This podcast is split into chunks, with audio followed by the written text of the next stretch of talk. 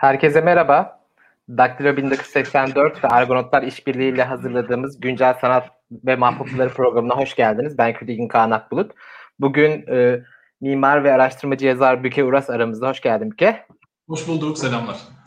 Ee, geçen hafta, iki hafta önce e, Daktilo 1984'ün bu ilk e, Güncel Sanat ve Mahpupların ilk programını gerçekleşmiştik Refik Anadolu'la.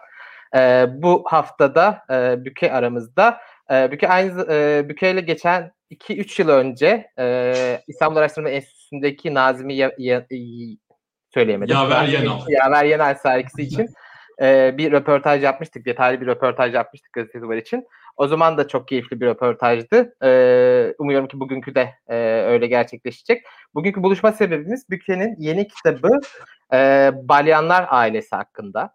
E, nedir bu kitap dersek? E, e, kimdir bu balyanlar ve bu kitap neleri kapsıyor? E, uzun uzun konuşacağız bu akşam. E, öncelikle e, biraz şimdi 100 yıl hatta 150 yıl geriye gideceğiz.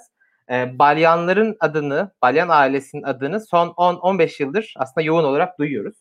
Mesela Wikipedia'daki ilk Türkçe başlığa baktım. E, 2016, 2006 yılında yazılmış ilginç bir şekilde ve çok kısa bir başlık. Yani bir, bir cümle var ve e, altında soy harçları çıkartılmış. Ee, ondan sonra mesela e, ama şimdi gayet detaylı bir madde var bu arada merak edenler için. Bir dönem Cumhurbaşkanımız e, işin ehli diye tanımlamıştı mesela balyanları. 2015 yılında mezarların bakımsız olduğu ortaya çıkmıştı. Sonra da bir anıt mezar yaptılar. E, şu an e, muhtemelen tedbirler sebebiyle ziyarete açık değildir. Ancak çok kıymetli bir e, mezar inşasıydı benim de gördüğüm kadarıyla. E, aileye dair bir belgesel çekildiğini de duydum. E, ancak belgeseli maalesef göremedim. Ee, yani yavaş yavaş mesela popüler yayınlarda da bu haklarında bilgi çıktı. Balyanlar ailesi gittikçe konuşulur oldu. Ancak böyle kısaca tanımlamak gerekiyor. Kimdir bu balyanlar? Kimdir bu balyan ailesi? Kaç kuşaktan oluşuyor? Ee, bize kısaca balyanlar kimdir anlatabilir misiniz Büke? Elbette, elbette. Ee, balyanlar senin de dediğin gibi 19. yüzyıl e, boyunca yaklaşık 3 nesil, yaklaşık diyorum çünkü öncesi var sonrası var ama esas olarak 3 nesil boyunca gerçekten 19. yüzyıl Osmanlı mimarlığına büyük e, izler bırakmış bir mimar ailesi. Kökeni çok tartışılıyor. E, daha önce e, Maraş, Maraş'ın bir köyünden olduğu düşünülüyordu. Daha sonra e, çok değerli araştırmacı 1950'lerde e, Pamukçıyan'ın yaptığı e, araştırmalarda Kayseri olduğu düşünüldü ve ondan sonra Kayseri olarak birçok yayında yayınlandı. E, Bayburt keza başka bir e, alternatif fikir. Ben Bayburt olduklarını düşünüyorum. E, ancak kesin bir belge elimizde yok. E, Doğu Anadolu'dan oldukları kesin. Ve e, İstanbul'a gelen ilk aile üyesi Meremmetçi Bali Kalfa. Ki 18. yüzyılda İstanbul'a geliyor. Meremmetçi onarımcı demek yani bina onarımcısı e, olarak İstanbul'a geliyor. Yani bir bina kalfası. Tabii o, o yıllarda e, terminoloji günümüzdeki gibi net değil. Kalfadan kastımız tabii ki hem mimar hem mühendis. Bütün e, inşaat işlerini yapan, tasarımları da yapan kişi e, terminoloji, Osmanlı terminoloji, terminolojisi günümüzden oldukça farklı. E, Mehmetçi Bali Kalfa'nın oğlu e, Kirkor Baliyan soyadını alıyor. Baliyan tabii ki Bali'nin oğlu anlamında babasına atfen ve Osmanlı belgelerinde 1820'lerde itibaren Veledi Bali olarak geçiyor. Yani Bali oğlu. Ve e, bu tarihten itibaren de zaten Baliyan oradan Balyan soyadını alıyorlar. Yaklaşık ilk nesil dedik. E, Krikor ilk nesil 2. Mahmut için çalışıyor. Kilikor'un oğlu Garabet çok önemli bir e, mimar. Dolmabahçe Sarayı'nın mimarı olarak biliyoruz.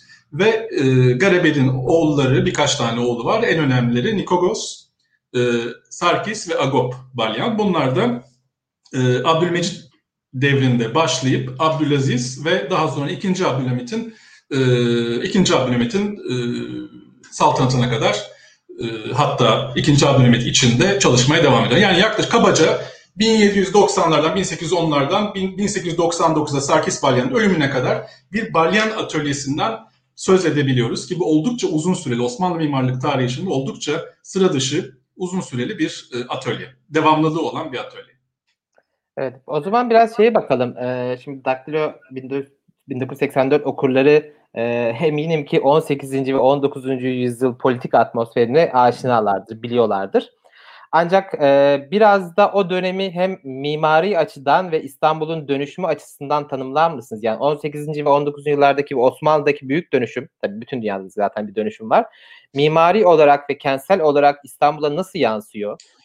E, çok doğru bir soru çünkü bu dönüşüm, e, tanzimat dediğimiz dönüşüm ki bu aslında hukuksal bir dönüşüm. E, Birçok kanunun dönüştüğü bir dönem.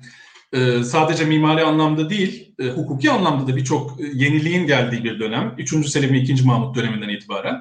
Ve bu dönemde e, hasta mimarlar ocağı kapatılıyor.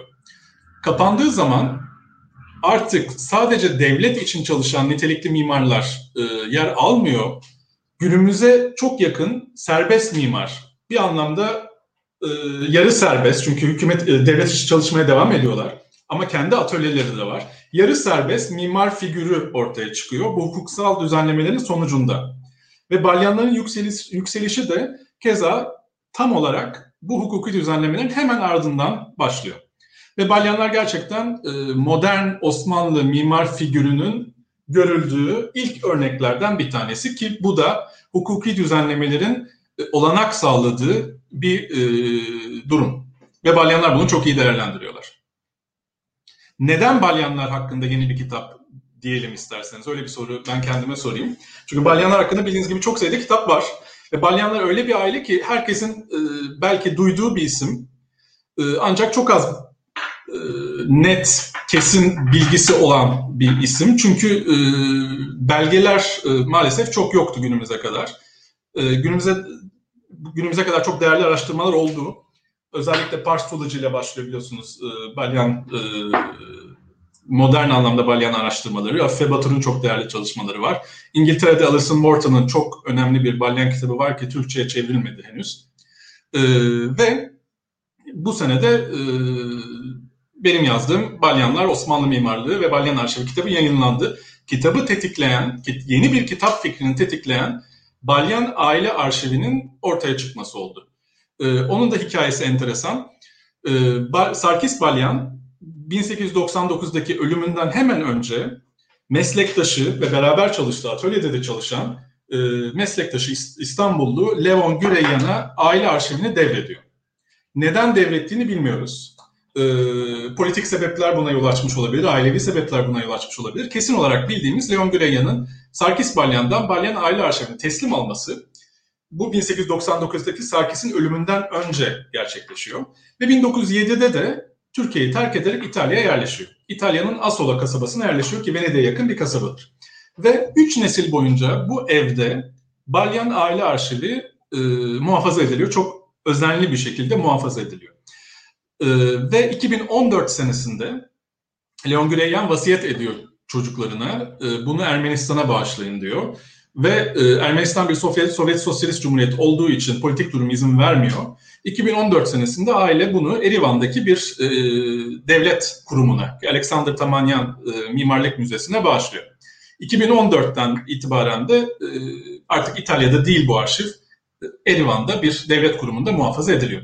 Bizim araştırmamızı tetikleyen bu arşivin ortaya çıkışı oldu. Bu arşiv bizce çok önemli. Ee, neden önemli? Ee, kitaba zaten bu şekilde başlıyoruz. Balyan tarih tarihçiliği e, günümüze kadar her zaman inşa edilmiş yapılar üzerinden değerlendirildi. Bu ne demek? Elimize yeterince çizim ve belge olmadığı için her zaman inşa edilmiş saraylar, kasırlar, camiler üzerinden bir okuma yapıldı. Bu Afife Batur için de böyleydi, Parstolacı için de böyleydi. Ancak Balyan arşivinde ilk defa inşa edilmemiş projeler ortaya çıktı. Bunun haricinde inşa edilmiş projelerin e, bir şekilde tasarım sürecini görmemize yarayan eskizler, e, gerçekleşmemiş projeler, proje alternatifleri ortaya çıktı ki bu son derece önemli. E, Osmanlı mimarlığı için bu kadar kapsamlı bir alternatifler bütünü daha önce e, zannetmiyorum ki elimize geçmiş olsun. Bu anlamda çok değerli diye düşünüyorum. Peki daha önce kitaplar hangi arşivlere ya da hangi kaynaklara dayanıyordu? Ee, dediğim gibi sadece inşa edilmiş yapılar üzerinden bir okuma yapılıyordu. Yani bir okuma e, yapı listesi üzerinden gidiyordu. Hiçbir zaman yapılmamış, inşa edilmemiş projeler ya da yapılmış projelerin alternatif tasarım önerileri ya da tasarım süreçlerine değinilmiyordu. Çünkü bu konuda bir belge yoktu. Evet. Bu anlamda e, enteresan bir şey var. Ta, Balyan historiagros e, tarihçi, tarihçiliğini başlatan e, Alfred de Caston isminde İstanbullu Fransız asıllı bir gazeteci. Ve 1875 yılında ben şey oturtmaya çalışıyorum pardon. 1875 yılında balyanlarla ilgili ilk e, makaleyi kaleme alan bu gazeteci.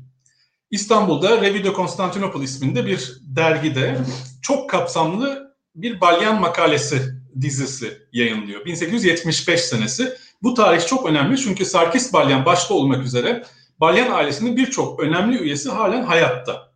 Ve burada bir yapı listesi veriyor. 1875 senesinde ki çok erkendir bu tarih. Ve bu yapı listesi de çok değerli çünkü halen aile üyeleri hayatta. Yani bu yapıları hayata geçirenlerin bir kısmı hayatta, meslektaşları da hayatta. Ee, ve orada çok önemli bir, bir cümlesi var Alfred de Castro'nun ki bizim kitaba başla, başlama cümlemiz buydu. Diyor ki ailenin tarihi anıtlarla yazılabilir. Yani Balyan tarihinin bir şekilde metodolojisini belirliyor. Ve hakikaten bu kitaba kadar bu metodoloji devam ettiriliyor. Çünkü sadece ailenin tarihi anıtlar üzerinden, inşa edilmiş anıtlar üzerinden yapılabiliyor. Ve bu kitapta ilk defa inşa edilmemiş yapılarda Balyan tarihi için bir alternatif okuma olarak e, ilk defa elimize geçiyor. Bu çok son derece önemli diye düşünüyorum Osmanlı tarihi için. Bu arada e, hani kitabın sürprizleri var. İnşa edilmemiş yapılar demişken evet. e, onu, da, onu da sonuna doğru açacağız. Sonuna, sonuna. E, ancak bu hani Balyan ailesi arşivinin dışında da e, başka arşivler de kullanıyorsun kitapta. E, bir de bu arşivin sana ulaşma hikayesini ve diğer kullandığın arşivleri biraz açıklar mısın? Tabii ki. Ee, dediğim gibi bu kitabı tetikleyen Balyan Aile Arşivi oldu. Gerçi Balyan Aile Arşivi diyorum ama arşiv sadece Sarkis Balyan'ın arşivi. Kişisel bir arşiv ve Balyan ailesinin sadece son dönemine ait. Yani 1850 ile 1899 arasındaki döneme ait bir arşiv. İlk iki nesle ait hiçbir çizim yer almıyor. Ee, Alexander Tamanyan Vakfı'daki e, belgeler Haycer Derneği aracılığıyla e, bize ulaştı. Bize derken bana bu kitabı yazmak teklif edildi. Proje koordinatörleri Arsen Yarman ve Kevork Özkaragöz e, bana bu kitabı yazmayı teklif ettiler. Ve e, bu belgelere ulaşmakta e, hukuki konuları vesaire e, Haycer Derneği aracılığıyla e, çözdüler. E, daha sonra da her zaman yanında destek oldular. Kendilerine müteşekkirim. Bunun haricinde dediğim gibi Balyan Arşiviyle biz yetinmedik. Ve bu bize son derece e, çok e, kapı açtı. Şimdi Balyan Arşivinde çok sayıda proje var ve projelerin hiçbirinin e, başlığı ya da ne olduğuna dair bir ibare yok. Yani biz kendimizi yaklaşık 100 çizimle bulduk. Bunlar e, küçük çizimler değil. Birçoğu 2,5 metre, 1 metrelik dev sulu boya paftalar. E, görsel anlamda da çok zengin ve önemli bir arşivden bahsediyoruz.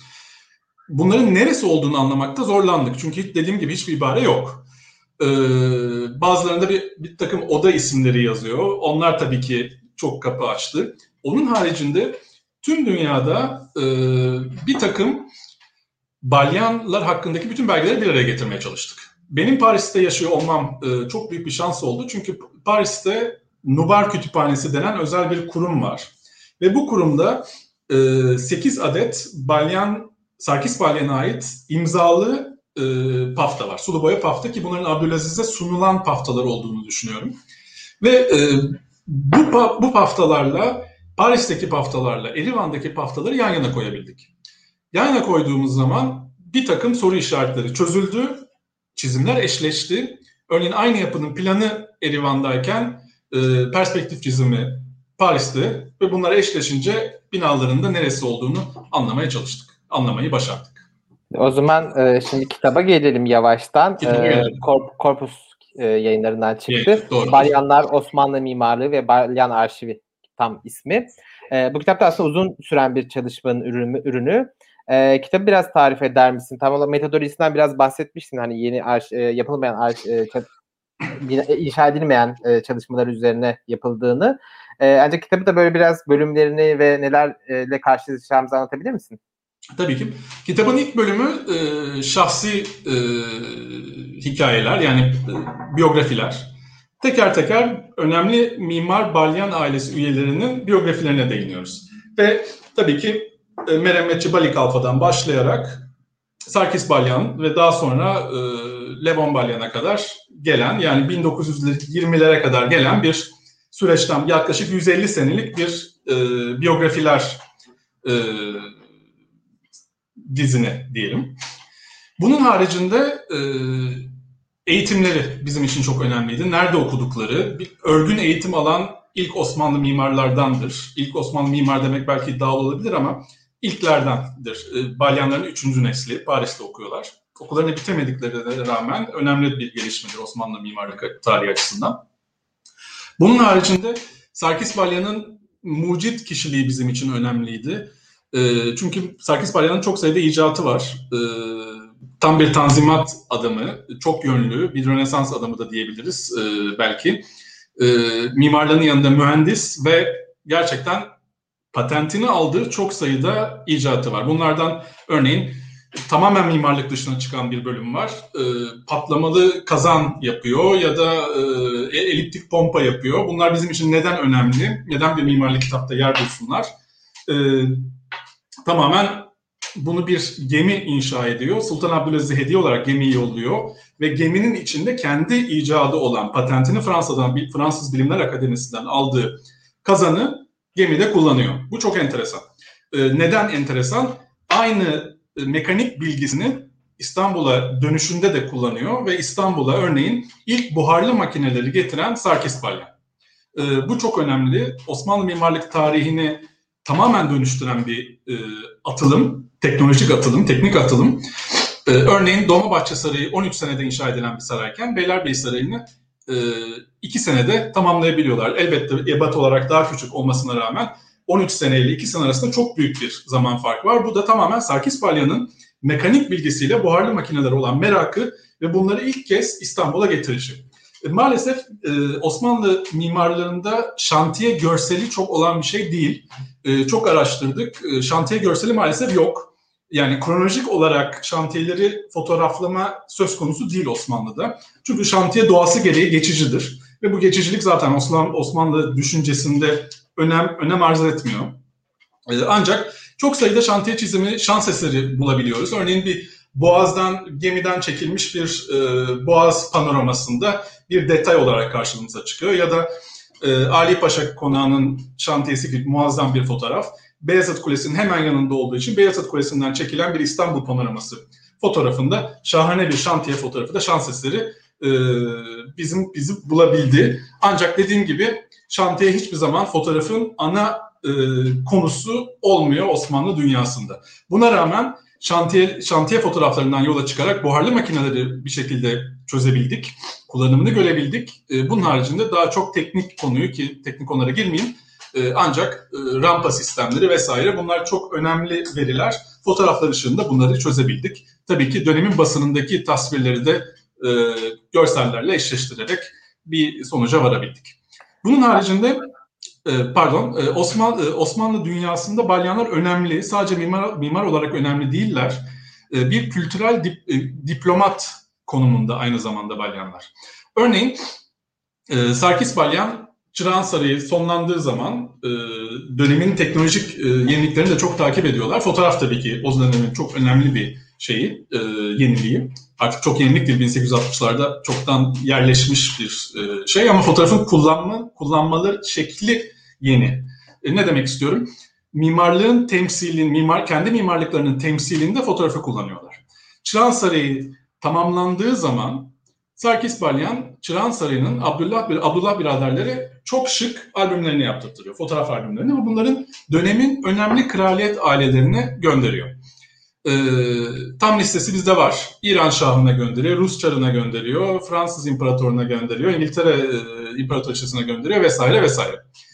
E, Los Angeles'ta Getty Müzesi'nde İspanya Kralı'na gönderdiği fotoğraf albümünü tespit ettik. Kitapta ilk defa kullandık. Bu çok önemli. Çünkü başka hiçbir Osmanlı mimarı yok ki şahsen Victoria'ya bir hediye göndermiş olsun ve Victoria'dan bunun karşılığında bir nişan almış olsun. Bu muazzam bir e, sosyal ağ, iletişim ağı ve dönemin için gerçekten Osmanlı için çalışan bir kültürel diplomat. Yani mimarinin çok ötesine geçiyor aslında.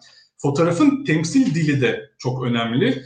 E, çünkü artık e, bu fotoğraflar mimarlar tarafından e, yaptır, çektirtilen fotoğraflar ve burada kesinlikle egzotik değiller, kesinlikle oryantalist değiller. Burada gerçekten modern Osmanlı mimarlığını gösterme kaygısı var sadece ve sadece. Bu çok önemli diye düşünüyorum.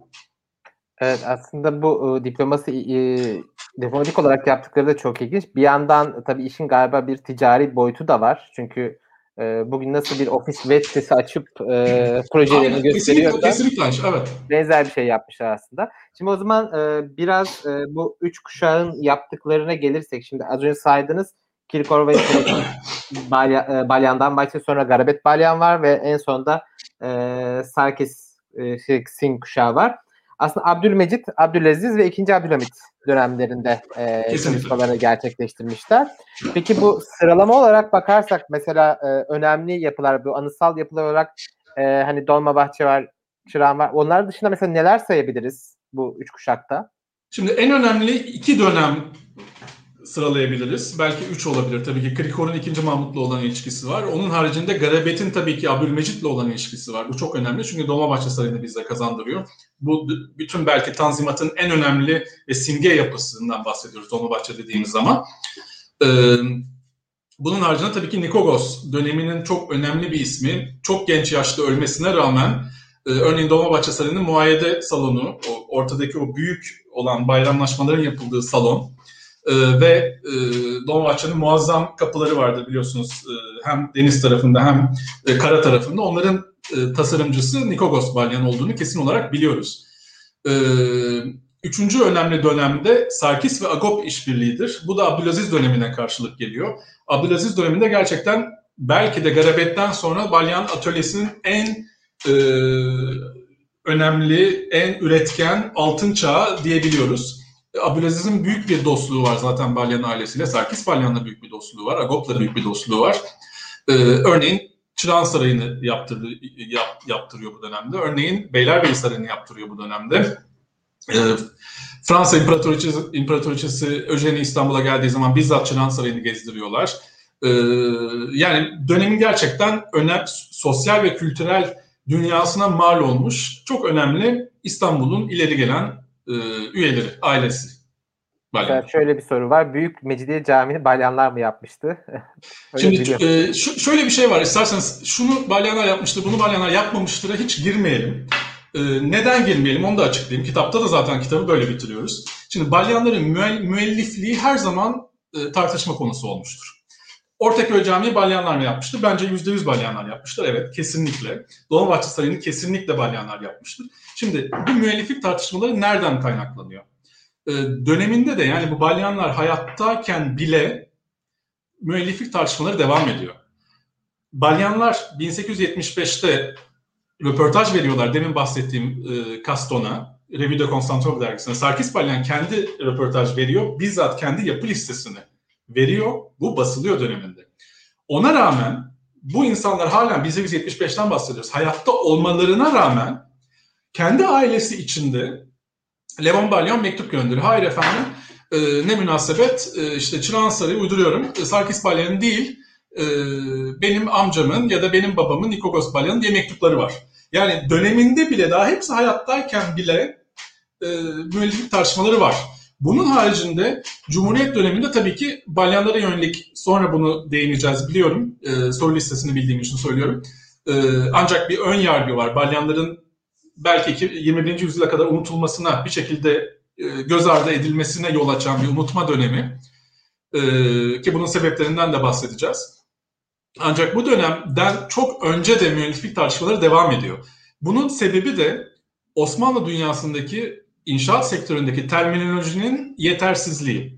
Yani çok net bir şekilde mimar, mühendis e, ayrımı yok. Kalfa termi, terminolojide çok olan bir isim. Kalfanın tam neye karşılık gel, geldiği bugün günümüzde tartışılıyor vesaire vesaire. Ama bunun haricinde mimarlık terminolojisinin 19. yüzyılda tamamen yerleşmiş olduğu yani mimar mühendisin ayrışmış olduğu Batı dünyasında yayınlanan bütün e, haberlerde, gezginlerin tanıklıklarında vesaire çok net bir şekilde İngilizce'de, Fransızca'da, İtalyanca'da, Almanca'da çok net bir şekilde gezgin anlatıyor. Sarayı'nın mimarını mimarla beraber gezdim. Mimarı Balyan'dır diyor.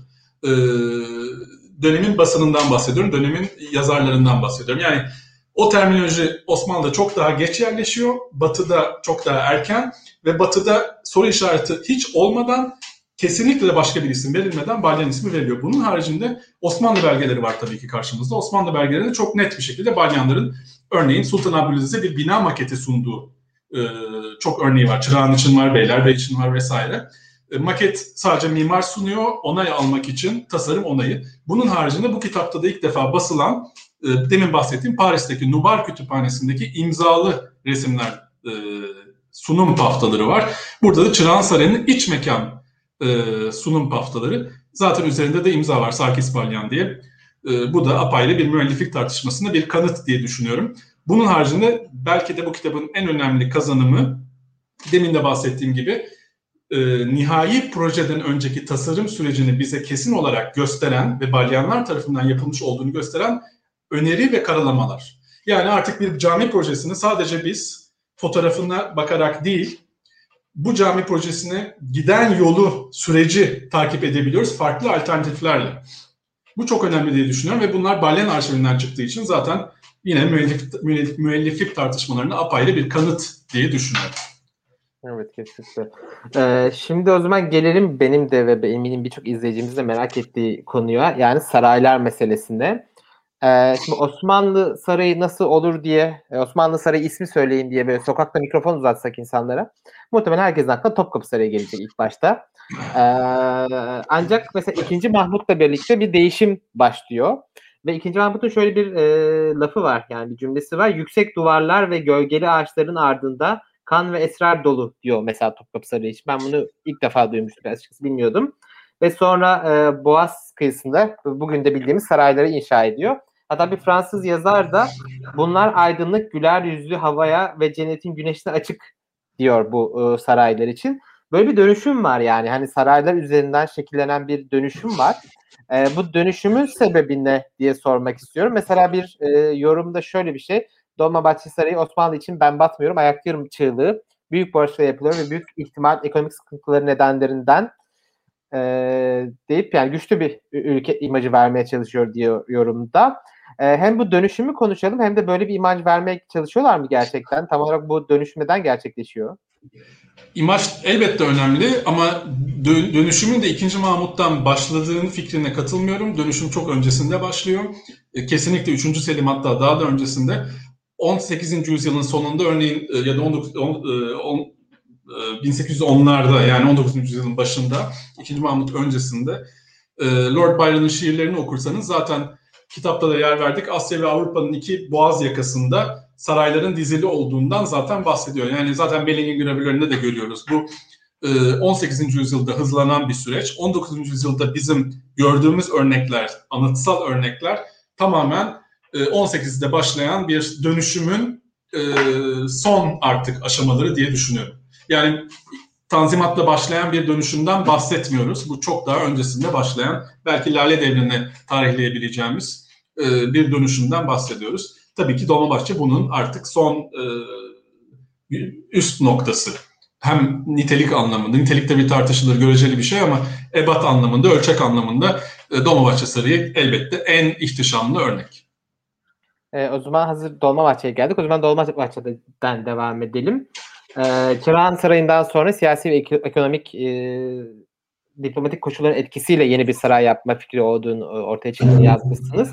Bir Fransız yazar da payitahtın ilk gerçek sarayı olarak tanımlamış. Yani neden ihtiyaç duyuldu Dolmabahçe Sarayı'na?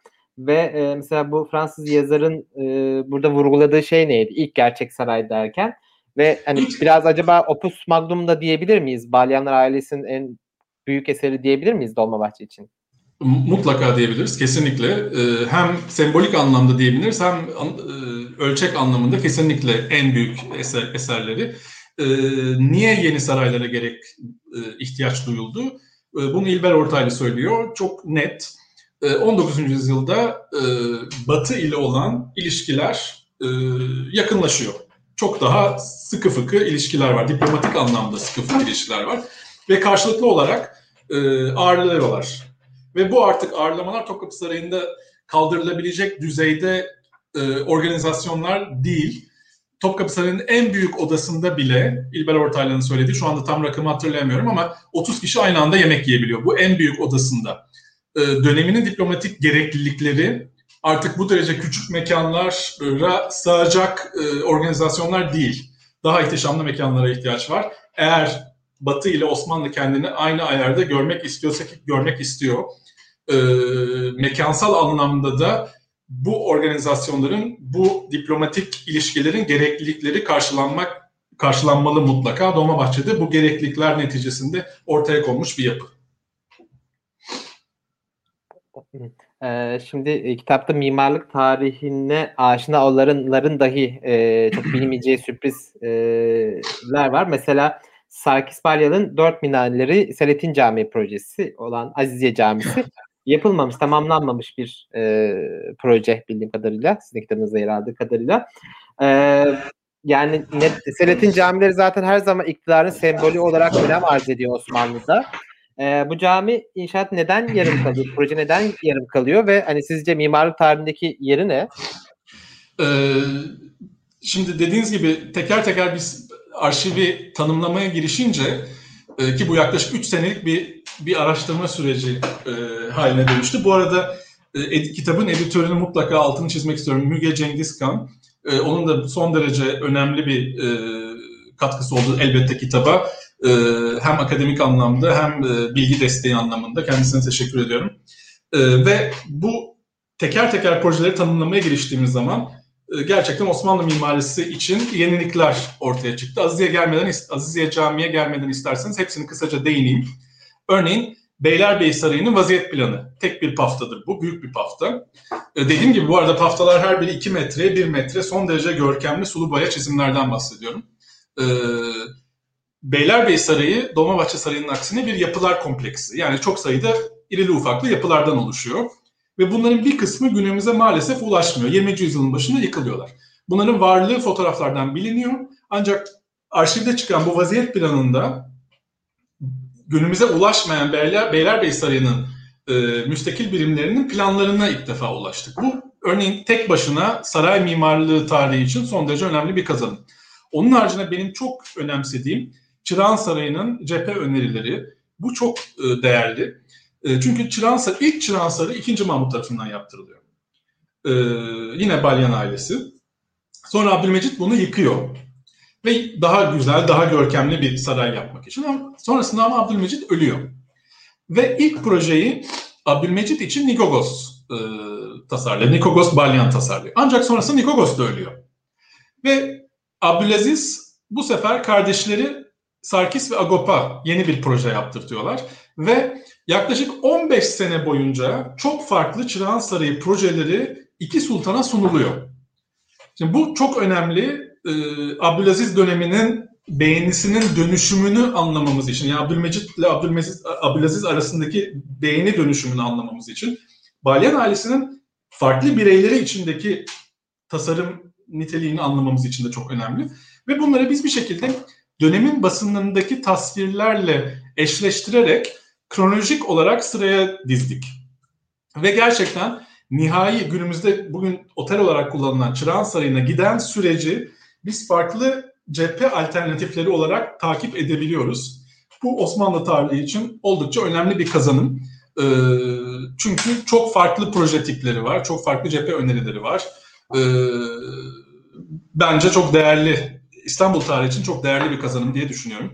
Bunun haricinde e, benim yaklaşık 6 ay neresi olduğunu anlamadığım, e, gerçekten çok uğraştığım bir plan. Bulduktan sonra da bir arkadaşıma gösterdim. E, Duygu Can'a buradan selam veriyorum çizimi görür görmez aa Ayerin'deki müze projesi dedi. dedi. Ben 6 ay uğraşmışım.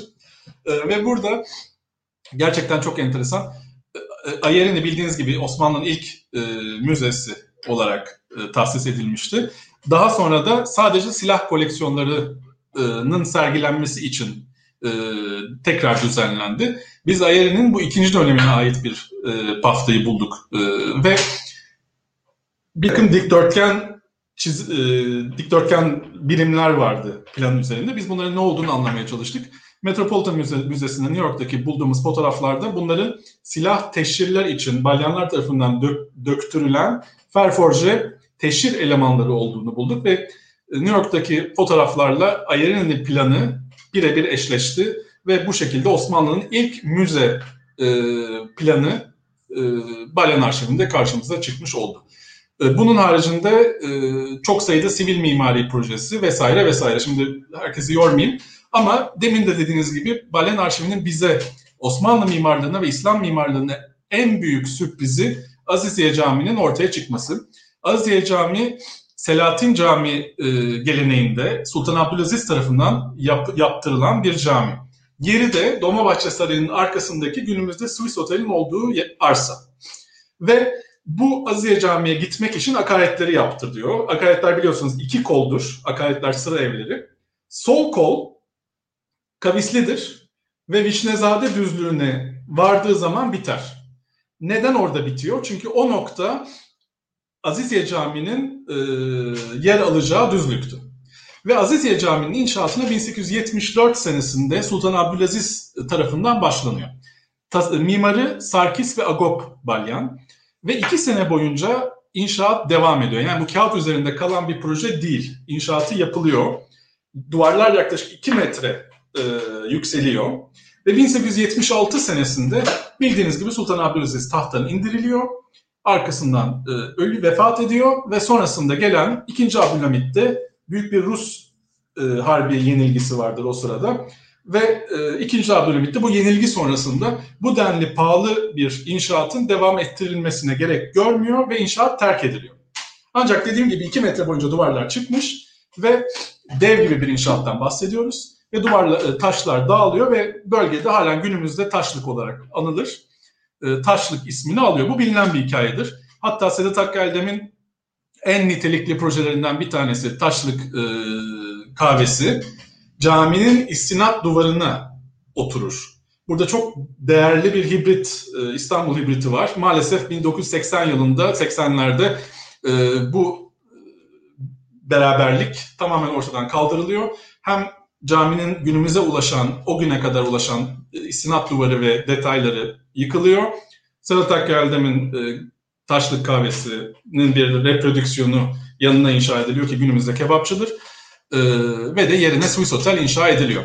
Yani 1980'lere kadar izlerini çok net bir şekilde görebileceğimiz bir dev inşaattan bahsediyoruz burada. Neden bu inşaat bu kadar önemliydi? Bu inşaat 300 sene sonra, yaklaşık 300 sene sonra e, 4 minareli olarak yapımı düşünülen, yapımına başlanan ilk cami. Dört minare biliyorsunuz çok enderdir. Ee, sadece Edirne'de Selimiye Camii, Süleymaniye İstanbul'da, Ayasofya ve e, Sultanahmet altı minaredir biliyorsunuz. O an, bu anlamda gerçekten Osmanlı'nın klasik dönemine bir şekilde gönderme yapan, Osmanlı'nın halen güçlü olduğu mesajını vermek isteyen dev bir projeden bahsediyoruz. Dönemin basınında projenin Süleymaniye'den daha büyük olacağı, dolayısıyla İstanbul'un en büyük camisi olacağı söyleniyor. Yani e, bu İstanbul tarihi için son derece önemli bir proje. E, ve e, yine teknik konulara girmek istemiyorum ama fil ayağı denen iç mekanda sütunları taşıyan, e, kubbeyi taşıyan dört ayak vardı. Dört büyük sütun. Sultanahmet'te görebilirsiniz, Beyazıt Camii'nde görebilirsiniz, Yeni Camii'de görebilirsiniz. Bunu tekrar ihya ediyor yüzyıllar sonra. Yani klasik dönem e, sürüktürüne de bir dönüş var burada. E, o anlamda çok değerli bir proje bu. Proje, projeyi e, Balyan Arşivinde saptayabildik. E, bu gerçekten kitabın belki en büyük e, kazanımı. Dahası nihai projeye giden süreci görebiliyoruz. Yani nihai proje var. Hem bir boğaz tarafına yani mihrabın gözüktüğü boğaz cephesinin e, cephesi var. iki adet kesiti var. Nihai plan projesi var. Onun haricinde nihai plana giden çok farklı tasarım önerileri var. Yani şöyle düşünün ki Süleymaniye Camii'nin Mimar Sinan'ın yaptığı tasarım önerilerini o keşfetmiş olalım. Yani bu muazzam bir kazanım Osmanlı mimarlığı için. Bu, bu örnek, bu anıtsallıkta, bu ölçekte bir Osmanlı yapısı için bu kadar çok sayıda ve bu kadar nitelikli bir kronolojik süreç, tasarım sürecini takip etmemiz başka hiçbir Osmanlı anıtsal yapısı için söz konusu değil. Ee, bu anlamda çok değerli diye düşünüyorum. Ee, bu arada az önce Dolmabahçe konuşurken Aslan Günhan'dan şöyle bir soru gelmiş. Ee, yani Dolmabahçe yeni bir dönüşüm getiriyor ancak akaretler olarak bildiğimiz saray işrafı konutlarını da e, yol açıyor diyor Aslan Hanım. E, dolayısıyla bu büyük projeler hani kentin genel dönüşümü açısından ne gibi etkiler yaratıyorlar böyle diğer başka projelerle birlikte? Ee, yani şu açıdan söyleyeyim işte hani e, mesela Dolmabahçe e, ve Çırağan gibi şeyler aslında İstanbul'un merkezinin de kayması, yeni merkezler oluşmasına e, yol açıyor mu? Başka e, İstanbul'un dönüşümüne de başka yani mimar sadece mimarlık tarihi açısından yapının kendisi açısından değil de bütün o çevresel faktörlerle beraber nasıl bir etki yaratıyorlar? Mutlaka mutlaka yaratıyor. Ee, bir katalizör görevi görüyor. Ee, ama kitapta da bahsettiğimiz gibi hiçbir zaman e, Paris örneğini veriyorum çünkü Balyanların eğitim gördüğü, üçüncü neslin eğitim gördüğü ve çok aşina oldukları bir şehir. Ve Paris gerçekten Tanzimat dönemi Osmanlısı için her zaman bir referans. Hem ekonomik anlamda bir referans hem kentsel ve mimari anlamda bir referans. Ee, o yüzden Paris örneğini veriyorum. Ee, hiçbir zaman Paris örneğinde olduğu gibi bütüncül bir kent fikri yok. Aslında var ama ne vizyon, yani vizyon var, bütüncül bir fikir, e, kentsel yenileme fikri mutlaka mevcut. Tanzimat'ta zaten önerileri de var. Ama hayata geçirilemiyor. Örneğin Beyoğlu yangını e, çok büyük bir fırsat. 1870'te olan Beyoğlu yangını. Bütün Beyoğlu yeni bir ağla modern anlamda yenilenebilirken e, mal sahipleri işte arsam e, arsamın şeyi azalıyor diyor, işte metrekaresi azalıyor vesaire. Çok kişi gerçekten karşı çıkıyor. Yani vizyon var, vizyon mevcut. Kentsel, bütüncül bir kentsel plan anlamında vizyon eksik değil. Ancak realiteler var ve bu realiteler sonucunda bu e, bütüncül e, vizyon fikri hayata geçirilemiyor. Ve balyan mimarlığı ki bunlar dev anıtsal ölçekte binalar her zaman kentsel anlamda noktasal e, katalizörlerin ötesine geçemiyorlar. Örneğin e, os, klasik Osmanlı'da imaretlerdir bunun. Bir yeni bir mahalle imaretler çevresinde gelişir, külliyeler çevresinde gelişir. Osmanlı'da örneğin e, Teşvikiye Camii zaten adı üstünde teşvik etmek üzerine, orada yerleşimi teşvik etmek üzere. Ama Teşvikiye Camii bir kentsel ağın merkezinde ya da bir parçası olarak düşünülmüyor. Tek başına yapılıyor ve çevresindeki yapılaşma organik olarak bırakılıyor. E, bir istisna belki e, Dolmabahçe'den Ortaköy'e olan şeydir, sıradır. Anıtsal saraylar sırası, Çırağan, e, Feriye Sarayları vesaire. Bu gerçekten anıtsal bir aks ve bu aksa paralel olarak da bir yol vardır. Bu yolun da çizimi zaten Balyan arşivinde çıktı ama çok enteresan. Yol Çırağan Sarayı'ndan başlıyor. Ortaköy'deki Ortaköy Karakolu'yla sonlanıyor. Yani bu yolu sonra büyütelim, Ortaköy'e diğer köylere bağlayalım, Ortaköy'den yukarı Nişantaşı'na çıkalım gibi bir e, teşebbüs yok. Yani şeyler her zaman, katılım her zaman noktasal kalıyor. E, bütüncüle hiçbir zaman ulaşamıyor. Ama bunun da dediğim gibi sebebi vizyon eksikliği değil. Sebebi tamamen e, pratik realiteler, e, mal sahiplerinin e, karşı çıkmaları ki bu, bu tip çok yazışma var. Dönemin basında da bunları takip edebiliyoruz. Bu enteresanmış aslında. Yani bütün Avrupa kentlerinde gördüğümüz dönüşümün e, benzeri burada yaşanmaması belki de bugüne bugüne kadar, bugünkü meselelere kadar gelen bir e, dert galiba. E, şimdi biraz da bu Sarkis Balya'nın e, teknik yeniliklerinden bahsetmiştiniz. Pardon. Bu arada Korhan Bey, Korhan Gümüş birkaç soru sormuş ama Korhan Bey gerçekten de çok teknik konulara e, açmışsınız ve çok bildiğim şeylerde değil. E, ancak biraz da bu Sarkis'in e, teknik alandaki yenilikleri biraz daha açmanızı isteyeceğim. Yani tabii bir yandan bütün dünyada e, olan gelişmeler, buharlı makinelerin icadı vesaire. Dolayısıyla e, o dönemin hem yapısını dediğiniz gibi hızlandırıyor, yapı inşaatlarını hızlandırıyor. Yani tam olarak e, nasıl bir kişi bu Sarkis Balyan? Hem bir yandan mühendis kafası var, hem bir yandan işte e, tabii ki mimarlık e, yani ilk böyle modern mimarlardan olarak da sayabiliriz. Biraz böyle Sarkis Balyan'ı tarif edebilir misiniz bize? Hem teknolojik Sarkis Balyan elbette çok yönlü, çok yetenekli, e, ön planda olmayı seven bir e, kişilik. Ama bunun haricinde tabii ki Sarkis Balyan eğer dönemin Osmanlı konjonktürünü kullanamıyor olsaydı bunların hiçbiri mümkün olmazdı. E, o, o anlamda ben Sarkis'in teknolojik yeniliklerini döneminin Osmanlı konjonktüründe değerlendirmeye çalıştım. Belki dünya konjonktüründe. Ne demek istiyorum?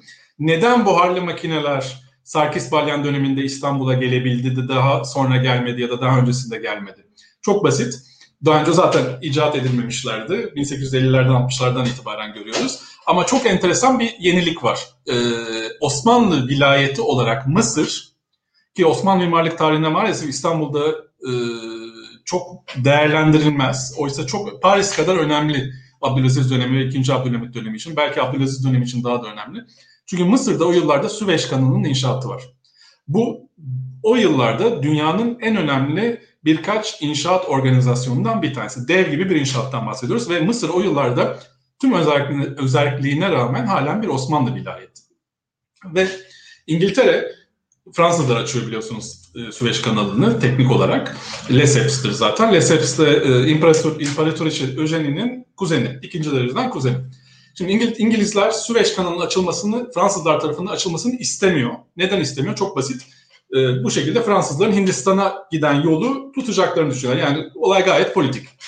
O yüzden e, Fransızların Mısırlı köylüleri kullandıkları, parasız olarak kullandıkları yani bir şekilde kölelik, korve dedikleri bir sistem var. Yani e, Mısır hükümeti, özel hükümeti e, Mısırlı köylülerin Fransızlar tarafından kullanılmasını kabul ediyorlar. İngiltere kıyameti kopartıyor. Diyor ki hayır efendim kölelik olur mu 19. yüzyılda hala e, bu kadar şu kadar sayıda köle öldü vesaire. Tabii olay tamamen Hindistan'a giden yolu kapamak. O yıllarda da Amerikan İç Savaşı var. Yani zaten kölelik çok tartışılan bir olgu 1850'lerde 60'larda. Bu da Süveyş kanalı inşaatındaki korve sistemi de bunun üzerine tuz biber ekiyor. Ve gerçekten İngiltere'nin kışkırtmasıyla muazzam bir e, uluslararası baskı doğuyor Fransa'ya karşı. Ve Fransa İmparatoru 3. Napolyon sonunda e, geri adım atıyor. Diyor ki korve sistemini kaldırıyoruz. E, kö- kölelik Süveyş kanalında kullanılmayacak. İnşaatında kullanılmayacak. Ama daha inşaatın yarısına bile gelinmemiş. E ne olacak? Fransızlar kalıyor böyle. Ne yapacağız? Para da yok. Ya para yok dedim yani çok daha e, masraflı olacak artık şey. E, ve Marsilya'dan gemilerle buharlı makineleri Frans e, Mısır'a getirtiyorlar. Ve hemen arkasından Sultan Abdülaziz'in Mısır seyahati var. Yani İstanbul Mısır'da olanlara duyarlı, farkında olanların farkında ve Mısır İstanbul'un çok ilerisinde teknolojik anlamda. Ve hepsi bunların Sarkis Balyan döneminde alıyor oluyor. Ve Sarkis Balyan da Mısır örneğini temel alarak İstanbul'a hemen arkasından, Süveyş kanalının hemen arkasından e, buharlı makineleri İstanbul'a getiriyor. Yani Mısır mutlaka Abdülaziz dönemi için bir referans noktası olarak görülmek zorunda. Bu çok önemli. Teknik anlamda, e, estetik anlamda ve mimari anlamda diye düşünüyorum. Peki sonrasında haricinde, neden devam etmiyor? E sonrasında buharlı makineler neden devam etmiyor? Sonrasında devam ediyor. Sonrasında ha. devam ediyor. Günümüze kadar geliyor. Ama e, büyük atılım Sarkis Balyan'la oluyor. Sarkis Balyan'da bu e, girişimi bir şekilde meşrulaştırmak için Osmanlı'nın ilk inşaat firmasını kuruyor. Osmanlı İnşaat Firması ismi zaten. Ve çok e, aslında pratik ne yapıyor? E, Boğaz'da inşaata devam eden büyük e, şantiyelerdeki bu başta Şırağan aynı anda inşaatı devam eden farklı projelere aynı taşeronlardan Boğaz'da gemiler aracılığıyla malzeme gönderiyor. Ee, örneğin çok enteresan Aziziye Camii biz nasıl tespit edebildik? Aziziye Camii yani projeyi daha önce basılan bir projeydi çünkü ama daha önce Çırağan diye basılmış ya da bir cami projesi diye basılmış. Biz nasıl tespit ettik? Çok basit. Bir Erivan'daki proje, projelerle, plan projesiyle Paris'tekileri yan yana koyduk ve birebir bir eş, eşleşme oldu. Böylece bunun bir Çırağan olmadığı cami olduğu kesinleşmiş oldu. Aynı zamanda örneğin Paris'teki e, Sarkis Balyan'ın imzaladığı perspektif çizimde e, yeşil e, mermerden sütunlar var. Bunların birebir aynısı Çırağan proje, Çırağan'da kullanılıyor. Çünkü taşeronları aynı. Çünkü aynı inşaat şirketinden Sarkis Balyan'ın dağıttığı malzemeler. Aslında günümüzde de devam eden son derece pratik uygulamalar bunlar. Ama Osmanlı için bunlar bir ilk. E, bu yüzden de bir cami projesiyle bir çıra, saray projesindeki malzemeleri dahi siz eşleştirebiliyorsunuz. Bu da gerçekten e, son derece modern, günümüz için normal ama dönemi için son derece modern bir uygulama. O zaman e, biraz sona yaklaşırken başka sorular olanlar varsa lütfen e, hemen buralar yazsınlar. E, şeye geleceğiz aslında. E, Balyanlar uzun bir süre e, dönem unutulmuştu. Yani e, 2000'li yılların başına kadar hani birkaç kitap çıkmıştı ancak hani E, o kadar da adlarını saymıyorduk. Bir yandan bu Cumhuriyet döneminde tabii e, Ermeni mimarların genel olarak tarihten silinmesi, işlerini kaybetmesi gibi meseleler var. Balyanları nasıl unuttuk biz onu sormak istiyorum. Bir de tabii e, şu an tekrar nasıl hatırladık tekrar? Yani e, son dönemde e, birçok araştırma var. Başka isimleri daha çok sanılıyor. Bu unutuluş ve geri dönüş süreci nasıl oldu sizce? Ee, şimdi unutma, unutmanın sebepleri var. Ee, biz kitapta üç tane sebep sıraladık. Bunlardan ilki çok basit. Ee, bütün dünyaya özgü bir sebep bu. Dünya moderniz, dünyada uluslararası modernizm yerleştiği zaman 1920'lerden, 1910'lardan itibaren hatta e, tarihselcilikten beslenen tüm akımlar bir şekilde e, geri kalmışlıkla eşleştiriyorlar. Örneğin modernizmin en büyük kuramcılarından Le Corbusier İstanbul'a geliyor 1910'larda ve e, çok sayıda İstanbul'a ait eskizi var. Bu eskizlerin içinde Balyanlara ait hiçbir bina eskizi yok. E, yazdığı metinle daha sonra kaleme alacağı metinde de Balyanlar binasına ait tek bir ibare var. O da diyor ki Dolmabahçe Sarayı'nın kork denen korkunç saraydan uzaklaştık diye bir ibare var. Yani bu modernizmin en önemli, uluslararası anlamda en önemli kuramcısı, modernizmin kitabını yazan kişi ve e, Dolmabahçe Sarayı için böyle bir ibare kullanıyor. Yani olay sadece Türkiye'ye özgü bir ön yargı değil, hakikaten 1910'larda modernizmin yerleşmesiyle ki bu MoMA'daki çok büyük bir e, Bozar sergisine kadar 1970'lerde New York'ta organize edilen 1975 e, olması lazım yanlış bir rakam söylemeyeyim, tarih söylemeyeyim. Neredeyse 100 sene sonra süren bir ön yargıdan bahsediyoruz bu bütün dünyada olan bir ön yargı. Ve ikinci olay e, Türkiye'ye özgü. Biliyorsunuz e, Türkiye Cumhuriyeti ile beraber Osmanlı tarihi yazımı her zaman e, yükselme, duraklama, e, gerileme ve çöküş dönemi olarak bize öğretilmiştir. Şimdi gerileme döneminin ve çöküş döneminin simge yapıları her zaman saraylar. Dolmabahçe Sarayı ilkokul müfredatına girmiştir. Dolmabahçe Sarayı'nın masrafının devlet kasasını çökertmesi olayı. Hiçbir zaman balyan kelimesi geçmez bu arada ama bize o her zaman verilmişti ilkokuldan itibaren. Aslında tabii ki çok bağlı bir saray ama gerekli bir saray. Osmanlı'da çökerten tek bir binanın inşaatı kesinlikle değil. Yani burada balyanların hamileriyle ki bu hamiler Osmanlı'nın e, Cumhuriyet'ten itibaren çöküşüyle beraber adı geçen hamiler özdeşleşmesi ve inşa ettikleri binaların e, çöküşten sorumlu, Cumhuriyet yazımında çöküşten sorumlu tutulan hamilerle iç içe geçmelerinden kaynaklanan e, bir sebep diye düşünüyorum. Üçüncü sebep belki de en önemlisi gene Türkiye özelinde tabii ki Türkiye bildiğiniz gibi ulus devlet olarak kuruluyor ve bu ulus devlette tabii ki e, Türk ve İslam kategorisine girmeyen e,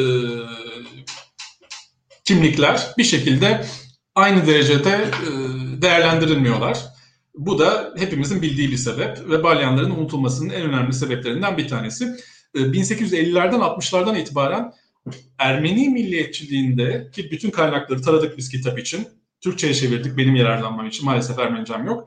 E, ve e, orada 1850'lerden itibaren balyanların nasıl Ermeni milliyetçiliği tarafından sahiplenildiğini görüyorsunuz. E, diyor ki e, tamam artık bizim çağımızda dikranlar, vartanlar yok ama artık e, balyanlarımız var. E, onları kucaklıyoruz. Siz bizim yeni yeni e, şeyimizsiniz, gururumuzsunuz vesaire gibi e, destanlar var. Şimdi böyle bir sahiplenmeden sonra, milliyetçi sahiplenmeden sonra ulus devlet olarak ortaya konan Türk Cumhuriyeti, Türkiye Cumhuriyeti e, tabii ki geri adım atmak durumunda kalıyor. Biz bunu nasıl sahipleneceğize e, düşüyor, unutmayı tercih ediyor. Ancak e, 20. yüzyılın son çeyreğinden itibaren yapılan akademik e, çalışmalar gerçekten bu ön yargının e, bence e, artık tamamen kalktığını e, ve balyanlar balyanları sahiplenmemizin Osmanlı tarihinin çok önemli kişileri olarak sahiplenmemizin kimse için bir problem teşkil etmeyeceğini ya da bir sorun teşkil etmeyeceğini gerçi bence anlamış bulunuyoruz. E, tam tersine çok büyük bir kazanım. Osmanlı'nın e, çok kimlikli e, kültürü zaten hepimizin bildiği bir şey. Balyanlar da bu kültürün 19. yüzyıl kültürünün son derece ileri gelen, son derece önemli e, kişileri. Unutmayalım ki Nikogos öldüğü zaman Abdülmecit 3 gün ulusal yaz ilan ediyor. E, yani böyle bir kişilikten bahsediyoruz. Daha sonra da babasının Garabet Balya'nın mezarını Kartal'da ve inşaat çukurunda birkaç sene önce şans eseri buluyoruz. Yani nereden nereye e, biraz acıklı bir hikaye açıkçası. Beni başka üzen bir şey oldu. E, kitapta balyan binalarını çalışırken dönemin edebiyatına bakmaya karar verdik. Ve dönemin edebiyatına gerçekten çok enteresan bir şekilde e, örneğin Çırağan Sarayı'nı konuşalım. Çırağan Sarayı yapıldığı zaman büyük bir coşkuyla karşılanıyor bu saray ve dönemin edebiyatında sadece e, Fransız değil, Ermeni edebiyatında, Osmanlı edebiyatında metiyeler düzülüyor, şiirler e, şiirler yapılıyor, yazılıyor Çırağan Sarayı için.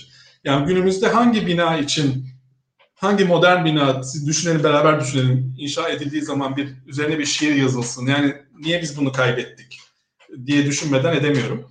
Başka üzülecek bir nokta Çırağan Sarayı örneğin inşa ediliyor. Harika bir şiir. Thomas Terzian'ın kitapta yer verdik. Birebir Çırağan Sarayı'nın inşa edildiği e, tamamlandığı zaman yazdığı muazzam güzel bir şiir. Bu şiiri ben niye bugün Türkçe okuyamıyorum? Ben kitapta basabilmek için New York'ta 1890'larda basılmış İngilizce versiyonunu Türkçe'ye çevirmek durumunda kaldım. Şimdi Thomas Terzion İstanbul'da bir Osmanlı. Niye bunun şiirini Çırağan Sarayı için yazdığı, yazdığı Abdülaziz için yazdığı bir şiiri ben Türkçe okuyamıyorum.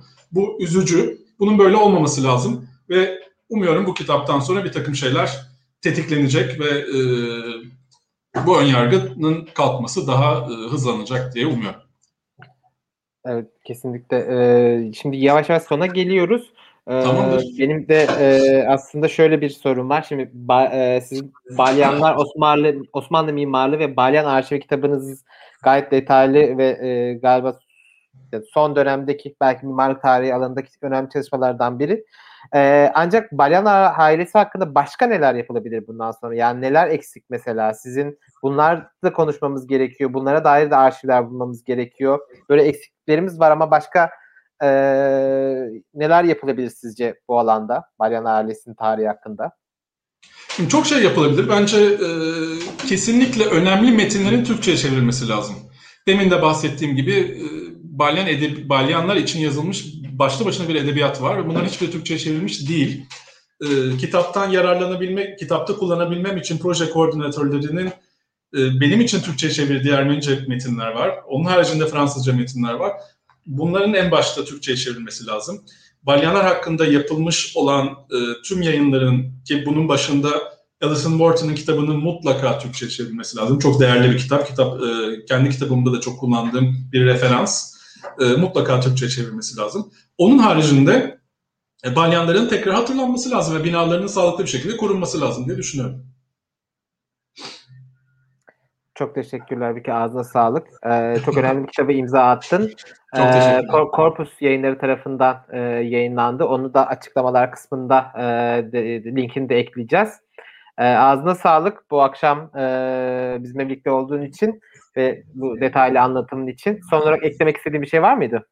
Benim yok. Soru varsa cevaplayabilirim zevkle. Ee, soruların çoğunu aktardım aslında. En son e, bir e, okuyucumuz Bülent Ervan dinleyicim, izleyicimiz e, Bağlar başındaki e, mezarlarına yani biraz daha e, önem göstermek gerektiğini, gidip ziyaret etmek gerektiğini e, vurgulamış. E, bunu da hatırlatalım tekrar. Şu anki durum e, Şunu altını çizmek istiyorum. E, demin dediğim gibi Balya, Balyanların Bağlar başındaki aile mezarlığı e, yarı terk edilmiş bir mezardı. Hacer Derneği'nin girişimiyle restore edildi. E, ve de anıt tamamlanmadan hemen önce şans eseri e, Kartal'da bir inşaat şantiyesinin çukurunda e, Garabet Balyan'ın mezarı bulundu ki normalde Beşiktaş'ta olan bir mezardır.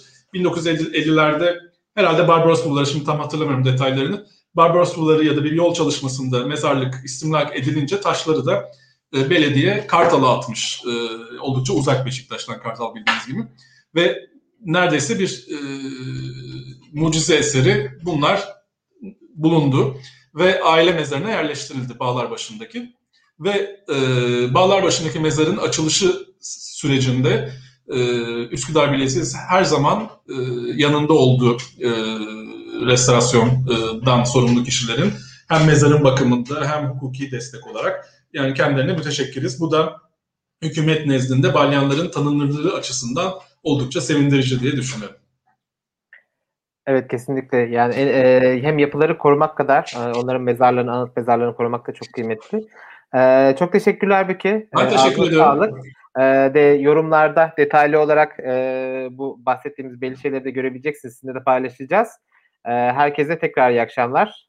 Çok Başka teşekkürler beni davet ettiğiniz için. Sağ olun. Teşekkür ederiz katılım için. Sağ olun. İyi akşamlar.